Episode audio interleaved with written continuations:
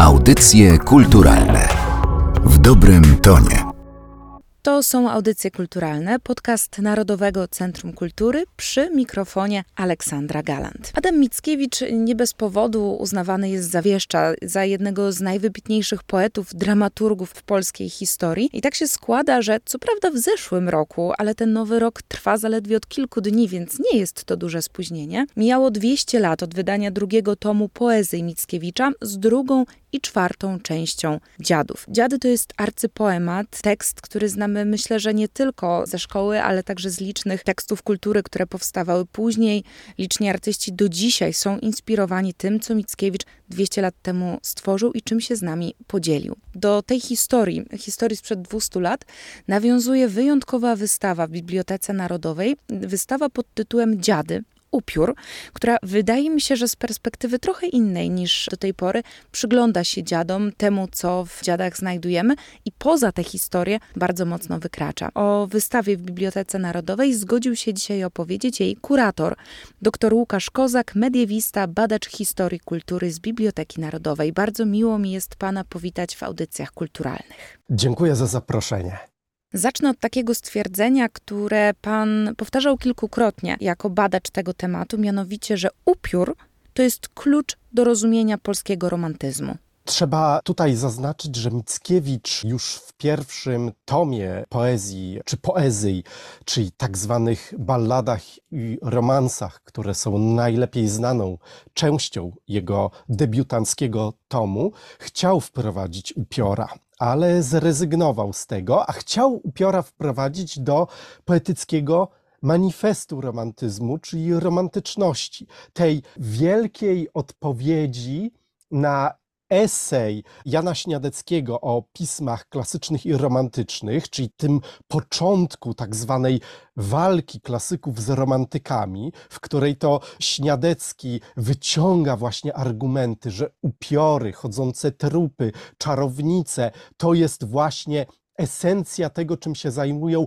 uwaga, zachodni romantycy. I Śniadecki chce uprzedzić atak polskich romantyków, żeby czasem ten polski romantyzm się nie narodził, ani w ogóle nie przyjął takiej formy, że tutaj nagle wraca zabobon, który jest zwalczony przez oświecenie i dla klasyków to zwalczenie zabobonu, a zwłaszcza wiary w upiory było takim no, jednym z najcenniejszych osiągnięć polskiego wieku rozumu. No i tutaj nagle wyskakuje Mickiewicz, autor prowincjonalny, który no, jest uważany przez krytyków warszawskich w ogóle za takiego nie do końca autora polskiego, jakiegoś tam Litwina. On tworzy te poezje, ale one nie są takie, prawda, co znamy z trzeciej części dziadów z salonu warszawskiego. One nie są takie, jakie oczekuje mieszczańska krytyka literacka. No i wyskakuje Mickiewicz i on już tutaj wprowadza, uwaga, zmarłych, którzy pojawiają się w tych balladach i romansach. I kiedy popatrzymy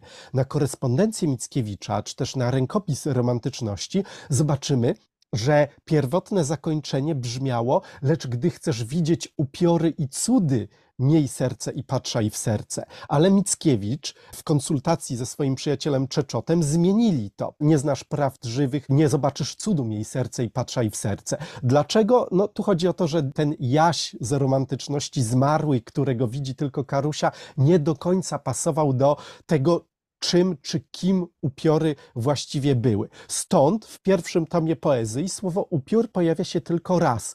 W świteziance zupełnie marginalnie, jak sarna płocha, jak upiór błądzisz w noc ciemną. A to potężne uderzenie upiorami, motywem czy figurą upiora pojawia się dopiero w drugim tomie poezji w roku 1823, kiedy właśnie z oficyny Zawadzkiego wychodzi ten tom, w którym mamy, no mamy Grażynę oczywiście, ale przede wszystkim mamy cykl dziadów, czyli część drugą i część czwartą, ale poprzedza je coś, co Mickiewicz nazwał niby to prologiem, czyli wiersz upiór. Wiersz upiór, który także integralnie należy do cyklu dziadów. Przywołał pan dziady poema Upiór.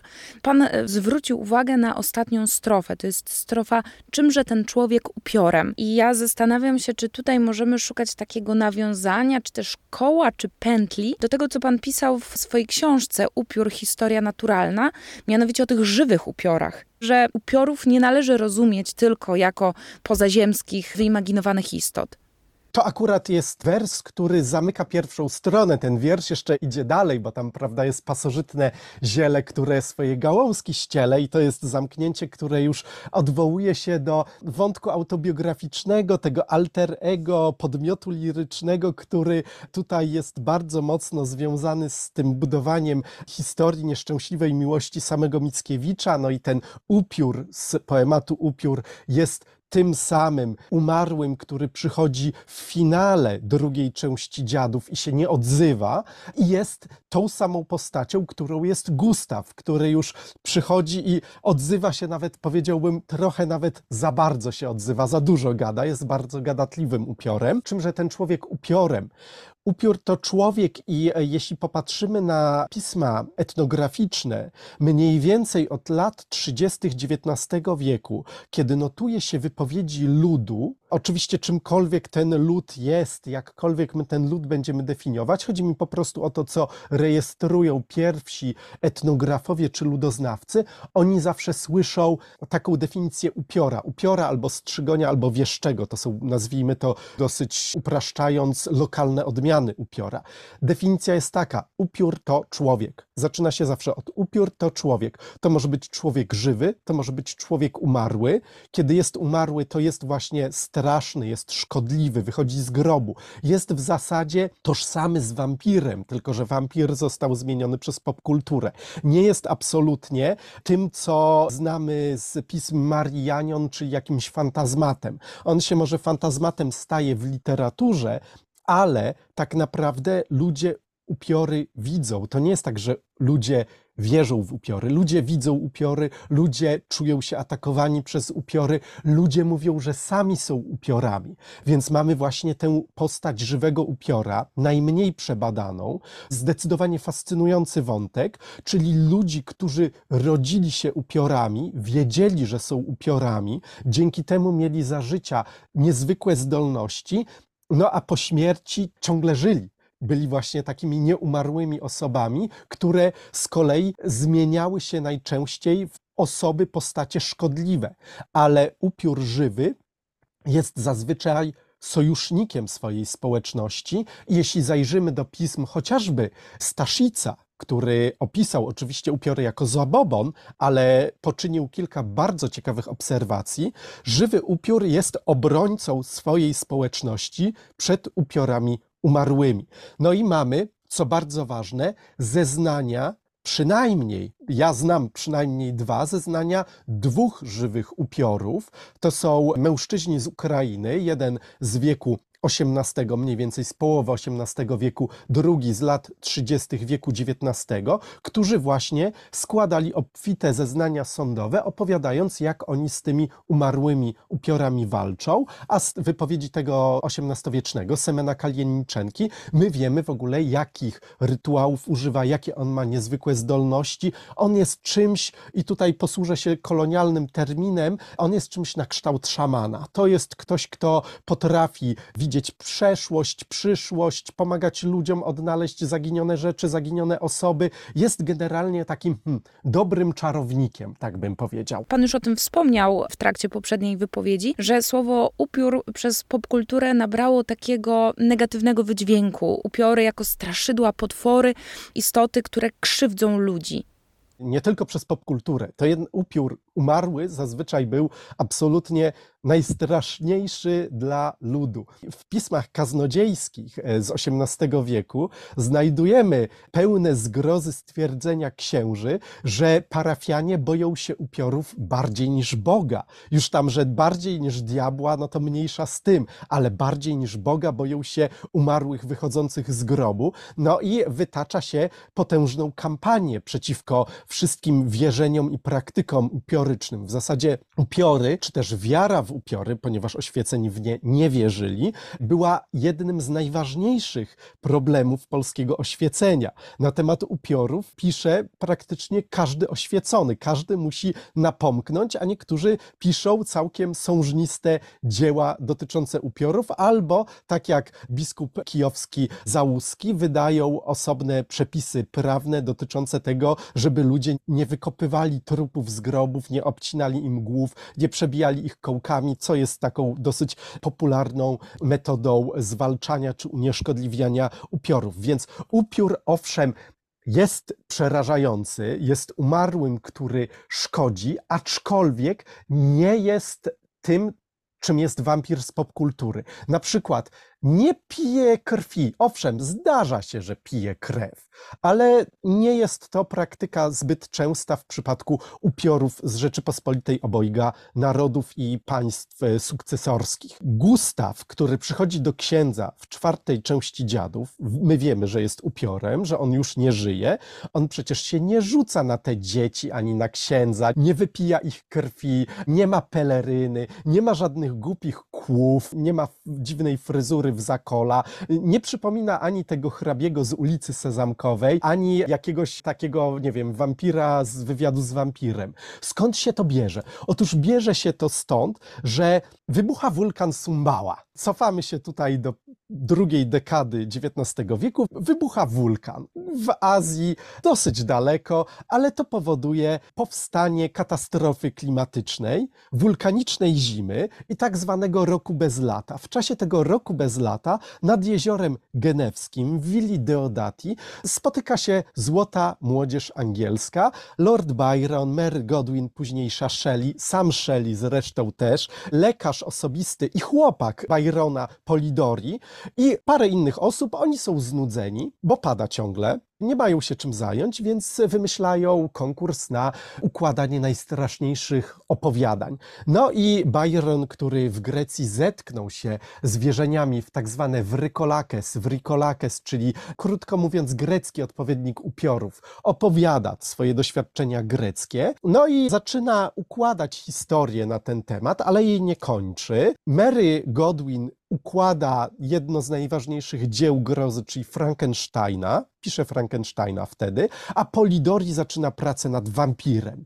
I ten wampir Polidoriego ukazuje się parę lat później, przypisany Byronowi i robi wielką karierę. A tam główna, ta zła postać, tytułowy wampir, e, Lord Raven, jest karykaturą Lorda Byrona. Czyli ten wampir arystokrata, którego my znamy z popkultury, z tysięcy dzieł, ten właśnie w pelerynie, blady, e, roztaczający jakiś urok erotyczny, łaknący krwi młodych dziewcząt czy chłopców, uwodzący wszystkich dookoła, ten taki właśnie wampir z wywiadu z wampirem, sagi Zmierzch, to jest ciągle długie trwanie tej karykatury Byrona, którą Polidori, rzucony przez Byrona i to w bardzo okrutny sposób, później zakończył życie wykończony hazardem i melancholią, Polidori po prostu swojego dawnego i mistrza, i chłopaka portretuje właśnie jako złego wampira, arystokrata, blady, chodzący w pelerynie, budzący trochę fascynację, trochę odrazę, trochę piękny, trochę straszny. To jest właśnie Byron, który trwa ciągle i który całkowicie zmienił wampiry, które były znane w zasadzie tylko z kilku raportów z Serbii i były tożsame z upiorami z Rzeczypospolitej, różniły się w paru aspektach, na przykład tym piciem krwi albo tym zaraźliwym wampiryzmem. Absolutnie nie jest tak, że w Rzeczypospolitej jak upiór kogoś zabije, udusi, ugryzie, to ktoś się staje upiorem. Nie, proszę Państwa, jak upiór będzie chciał Państwu coś zrobić, to nie znaczy, że Państwo będą piękni, wiecznie młodzi i nieśmiertelni. Nie, Państwo po prostu umrą. Odradzam takie interakcje. Więc ta figura, figura wampira odseparowała się od tego folklorystycznego pierwowzoru, no i trwa do dziś w najlepsze, a upiór miał o tyle szczęścia, że w zasadzie pozostał nietknięty, ale lekko zmienił go sam Mickiewicz.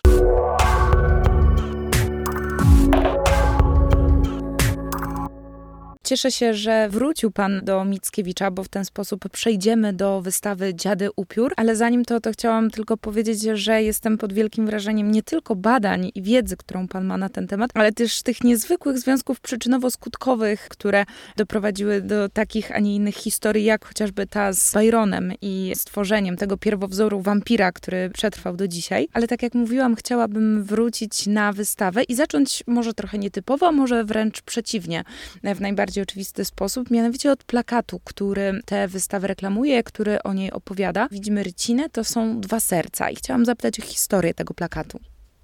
To są dwa serca z rycin anatomicznych, dwa połączone serca. Plakat zaprojektowany przez Hannę Dudkowiak odnosi się do słów Adama Mickiewicza z czasów jego wykładów w Collège de France, bo Mickiewicz nie tylko wprowadza upiory do literatury romantycznej, nie tylko później upiora transformuje na wzór ten Byronowski w trzeciej części Dziadów, ale także upiory bada. I on wygłasza wykład, w którym mówi słuchaczom Collège de France o upiorach. Mickiewicz jest przygotowany, bo czyta bardzo świeży artykuł Iwana Wachylewicza, czy też Jana Wagilewicza, wspaniałego ukraińskiego uczonego, jednego z twórców ukraińskiej tożsamości, Lwowiaka, aczkolwiek Mickiewicz nie ma pojęcia, że to jest człowiek z Lwowa, ponieważ Mickiewicz myśli, że to jest Czech, ponieważ Wagilewicz ogłasza swój artykuł po czesku, mimo że oryginał spisał po polsku, ciągle nieopublikowany, miałem go wydawać, ale niestety Rosjanie pokrzyżowali moje plany. W każdym razie Mickiewicz, powołując się na Wachylewicza, mówi o tym, że upiory według ludu są to istoty, są to ludzie, którzy mają dwie dusze i dwa serca. Te dwa serca są jakby somatycznym odzwierciedleniem tego, że człowiek ma dwie dusze, czy też jak niektórzy mówią, ducha i duszę, bardzo manichejsko niektórzy chłopi do tego podchodzą, albo dwa duchy. I to jest właśnie klucz do rozumienia ludowego upiorów, ponieważ upiory, mimo że na przykład jezuici wierzyli w upiory, to jezuici nie mogli podać tego wyjaśnienia, które można tak naprawdę ex katedra wygłosić w laickiej Francji bo jest to czysta herezja. W nauczaniu Kościoła człowiek ma jedną duszę nieśmiertelną, ale Mickiewicz już może tam powiedzieć, upiór według wierzeń ludzi to jest człowiek, który ma dwie dusze, a przez to ma właśnie te dwa serca, dwa serca, z których jedno jest sercem ziemskim, sercem takim powiedzmy zwykłym, jak mają wszyscy, i ono umiera wraz z człowiekiem, przestaje bić, ale to drugie serce nadal bije w tym umarłym, i to drugie serce również znaczy, że ciągle jest ta druga dusza i ta druga dusza ożywia trupa, który wychodzi z grobu i dokonuje, no, czy to złych, czy dobrych uczynków. I to jest bardzo ciekawe, ponieważ to wspaniale, ja nie wiem, czy Mickiewicz wiedział o tym wierzeniu w dwie dusze przed przeczytaniem artykułu Wachylewicza, ale jak to pięknie koresponduje z postacią Gustawa i jego przemianą w Konrada. Gustaw umiera, rodzi się Konrad. Jest to w zasadzie takie, no powiedzielibyśmy, bardzo upioryczne. Są po prostu dwie postacie w jednej, w jednym ciele mamy dwóch bohaterów. No i ta niezwykła, nie wiadomo czy wiedza, czy intuicja, czy poetycki geniusz Mickiewicza rzeczywiście tutaj jest niesamowicie spójny, a także nie da się ukryć, trwa również po śmierci Mickiewicza, bo Mickiewicz po swojej śmierci też, co jest bardzo ciekawe i co widzimy z materiałów zgromadzonych na wystawie, zostaje uznany za w zasadzie upiora to jest chyba nawiązanie do tej historii z krakowskiego Wawelu, bo Mickiewicz w Krakowie nigdy za życia nie był i przez mieszkańców miasta został właśnie za upiora uznany. Co więcej, uznali, że to on sprowadza na miasto jakieś ulewne deszcze, kiedy swój grup opuszcza. To jest absolutnie fascynująca historia, ponieważ ona się pojawia już rok po pogrzebie Mickiewicza, jest zauważalna w krakowskiej prasie. Otóż miesiąc po pogrzebie Mickiewicza, rzeczywiście pogrzeb, który jest wielkim wydarzeniem, ale odbywa się absolutnie wbrew woli Mickiewicza. No Mickiewicz miał powody, żeby być złym, ponieważ on chciał leżeć u boku Celiny. Celina została w Montmorency. Mickiewicza sprowadzono do tego dziwnego miejsca, w którym nigdy za życia nie był, o którym w zasadzie napisał może trzy czy pięć razy w swoich dziełach, co do którego on w zasadzie nie miał do końca pojęcia, czym jest Kraków. Miesiąc po pogrzebie następuje absolutnie ogromna burza. Jest to sierpień, czyli czas żniw, czyli zbiory są wokół Krakowa, we wsiach podkrakowskich zrujnowane. Na plantach wszystkie wróble zostają zabite przez grad. Płoną kamienice, są podtopienia. Generalnie Armagedon. No i ludzie, głównie jednak podkrakowscy chłopi, zaczynają kojarzyć fakty. Co takiego się u nas stało wielkiego, że teraz następuje no taka wręcz apokalipsa. No i uznali, że to jest Mickiewicz, który jest planetnikiem, czyli człowiekiem, który potrafi kontrolować pogodę również po śmierci, i że Mickiewicz opuszcza swój grób i sprowadza te ulewne deszcze.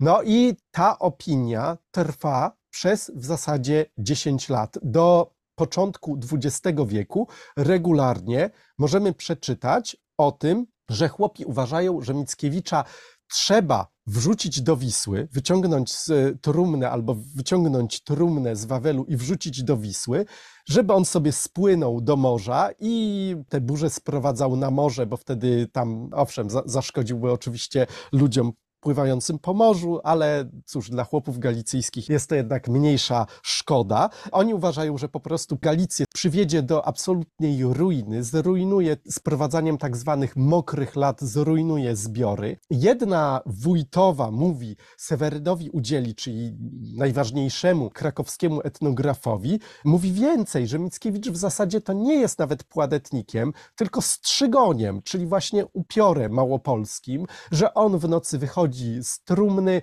obgryza świece, robi bałagan na ołtarzach, wszystko psuje i że tak naprawdę Mickiewicza już nie ma w grobie, ponieważ księża mieli tak go dosyć, że jednej nocy wyciągnęli go z trumny i puścili Wisłą. I to jest bardzo, absolutnie bardzo ciekawy wątek, który świetnie podsumowuje Mickiewicza i jego związki z upiorami. Taką wisienką na torcie jest to, że kiedy wychodzi ostatni tom słownika gwar polskich Jana Karłowicza, wychodzi ten tom w Krakowie, to widzimy, że definicją słowa wieszcz jest człowiek, który po śmierci ma zostać upiorem. Albo jest to posłużenie się kaszubskim znaczeniem, ponieważ kaszubi mówią na upiory wieszczy, albo też słowo wieszcz e, wśród małopolskiego chłopstwa zyskało właśnie takie nowe znaczenie, nowe stare, ponieważ wiemy, że w XVI-XVII wieku słowo wieszczyca na pewno oznaczało czarownicę, która potrafi wychodzić z grobu. Więc Mickiewicz właśnie stał się czymś tego rodzaju. Stara Wójtowa mówiła, że on miał w sobie złego ducha, czyli miał właśnie w sobie dodatkową złą duszę. Dlaczego on miał tego swojego złego ducha? A bo on pono wierszami gadał. A czy to ja gadam wierszami, albo kto we wsi, to już taki zły duch musiał gadać przez niego. Tak powiedziała właśnie ta stara wójtowa Sewerynowi udzieli. No i oczywiście idąc na wystawę zobaczymy tę całą ciągłość i te wszystkie absolutnie przedziwne i zaskakujące koincydencje związane właśnie z Byronem, Mickiewiczem i upiorem, który ciągle się pojawia i w zasadzie jest z nimi tożsamy albo nie chce ich opuścić to gadanie wierszami, o którym mówiła stara wójtowa, którą pan przywoływał, no w takiej namacalnej formie można zobaczyć na wystawie, bo znajdują się tam między innymi pierwsze wydania dziadów. To są takie obiekty, które właściwie wydaje mi się, że bardzo rzadko są pokazywane i również z tego powodu wystawę Dziady Upiór w Bibliotece Narodowej warto odwiedzić. Co jeszcze na niej możemy zobaczyć? Tu ważna informacja, to jest świeża informacja. Wystawa będzie trwała przynajmniej do końca stycznia ze względu na duże zainteresowanie, więc e, jeśli ktoś z Państwa widział informację, że wystawa będzie się zamykać 6 stycznia, spokojnie, jeszcze będzie dużo czasu i będą wydarzenia towarzyszące. Co jeszcze poza wydaniami poezji Mickiewicza, i tu już mówię, pierwszy tom poezji czyli właśnie ballady i romanse, zamyka naszą wystawę. Otwierają dwa egzemplarze drugiego tomu. Mamy również tom czwarty, czyli Dziady część trzecią, która jest niezwykle ważna dla metamorfozy upiora. Oprócz tego mamy tłumaczenia Byrona, mamy tłumaczenia Polidoriego, pierwsze polskie wydania, mamy absolutny unikat, czyli rękopiśmienny protokół otwarcia trumny Mickiewicza na cmentarzu w Montmorency po ekshumacji i przed przewiezieniem jego zwłok do Krakowa. Mamy oczywiście te pisma etnograficzne, które mówią, czy doniesienia z prasy, które mówią o tym, co Mickiewicz po śmierci w Krakowie wyprawia. Mamy luksusowe wydania dziadów z ilustracjami Czesława Jankowskiego, a następnie przechodzimy do całego ciągu staropolskiego, to znaczy jak upiory były postrzegane przed Mickiewiczem, czyli mamy wspaniałe nowe Ateny Benedykta Chmielowskiego oraz wiersze Elżbiety Drużbackiej, Dwójka bohaterów ksiąg Jakubowych Olgi Tokarczuk, jeśli ktoś czytał i pamięta, to są no, drugoplanowe, ale bardzo ładnie nakreślone tam postacie, które spierają się o istnienie upiorów. Mamy pisma kościelnych autorytetów na temat upiorów, czyli jak z kolei ludzie kościoła, którzy nie mogli przyjąć tego wyjaśnienia o dwóch duszach, próbowali sobie poradzić z zdefiniowaniem upiora, a wierzyli oczywiście w istnienie upiorów. Niektórzy mówili, że sami je widzą. Później przechodzimy do innych świadectw historycznych, na przykład korespondencji sekretarza polskich królowych Pierre'a de Noailles, bardzo ciekawe źródło, które jako pierwsze wprowadza do obiegu słowo upiór i to jest kilkadziesiąt lat przed tym, jak kiedykolwiek zapisano po raz pierwszy słowo wampir. Wreszcie przechodzimy znów do profesury wileńskiej, czyli do Jundziła i tutaj tych dziwnych związków pomiędzy upiorami i nietoperzami, które są tam wyjaśnione. W każdym razie mogę już zaspoilować. Upiory i nietoperze, czy wampiry i nietoperze, nic ich nie łączy, to jest wina wielkiego Karona Lineusza. Ale oprócz tego na marginesie tej ekspozycji możemy zajrzeć do pierwszego wydania Wiedźmina Andrzeja Sapkowskiego, co jest wyjątkową gratką, ponieważ powiedzmy sobie szczerze, Pierwsze wydania Mickiewicza, one się bardzo rzadko pokazują i to w takim nagromadzeniu, ale czasami są pokazywane.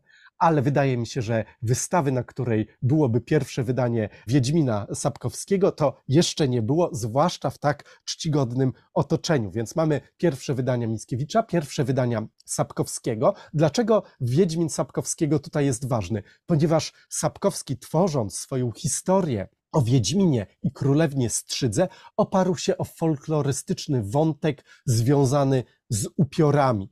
I on przetwarza w sposób mistrzowski oczywiście, wprowadzając do literatury i do popkultury Wiedźmina, on przetwarza bardzo istotny wątek upioryczny, jeden z nielicznych wątków bajkowych związanych z upiorami, czy podaniowych, ponieważ ludzie zasadniczo nie tworzyli bajek czy podań o upiorach, bo się ich za bardzo bali. Jak wynika z tej rozmowy, ten motyw upiora pojawia się na przestrzeni lat, a właściwie już wieków, nie tylko w polskiej literaturze, ale właśnie o polskiej literaturze, zwłaszcza o twórczości Adama Mickiewicza, mówi wystawa Dziady Upiór, którą można oglądać w Bibliotece Narodowej, wcale nie do 6 stycznia, a trochę dłużej. U nas w audycjach kulturalnych zgodził się opowiedzieć dr Łukasz Kozak, który jest kuratorem tejże wystawy. Bardzo panu dziękuję za to spotkanie i za tę rozmowę. Bardzo dziękuję i zapraszam. Audycje kulturalne w dobrym tonie.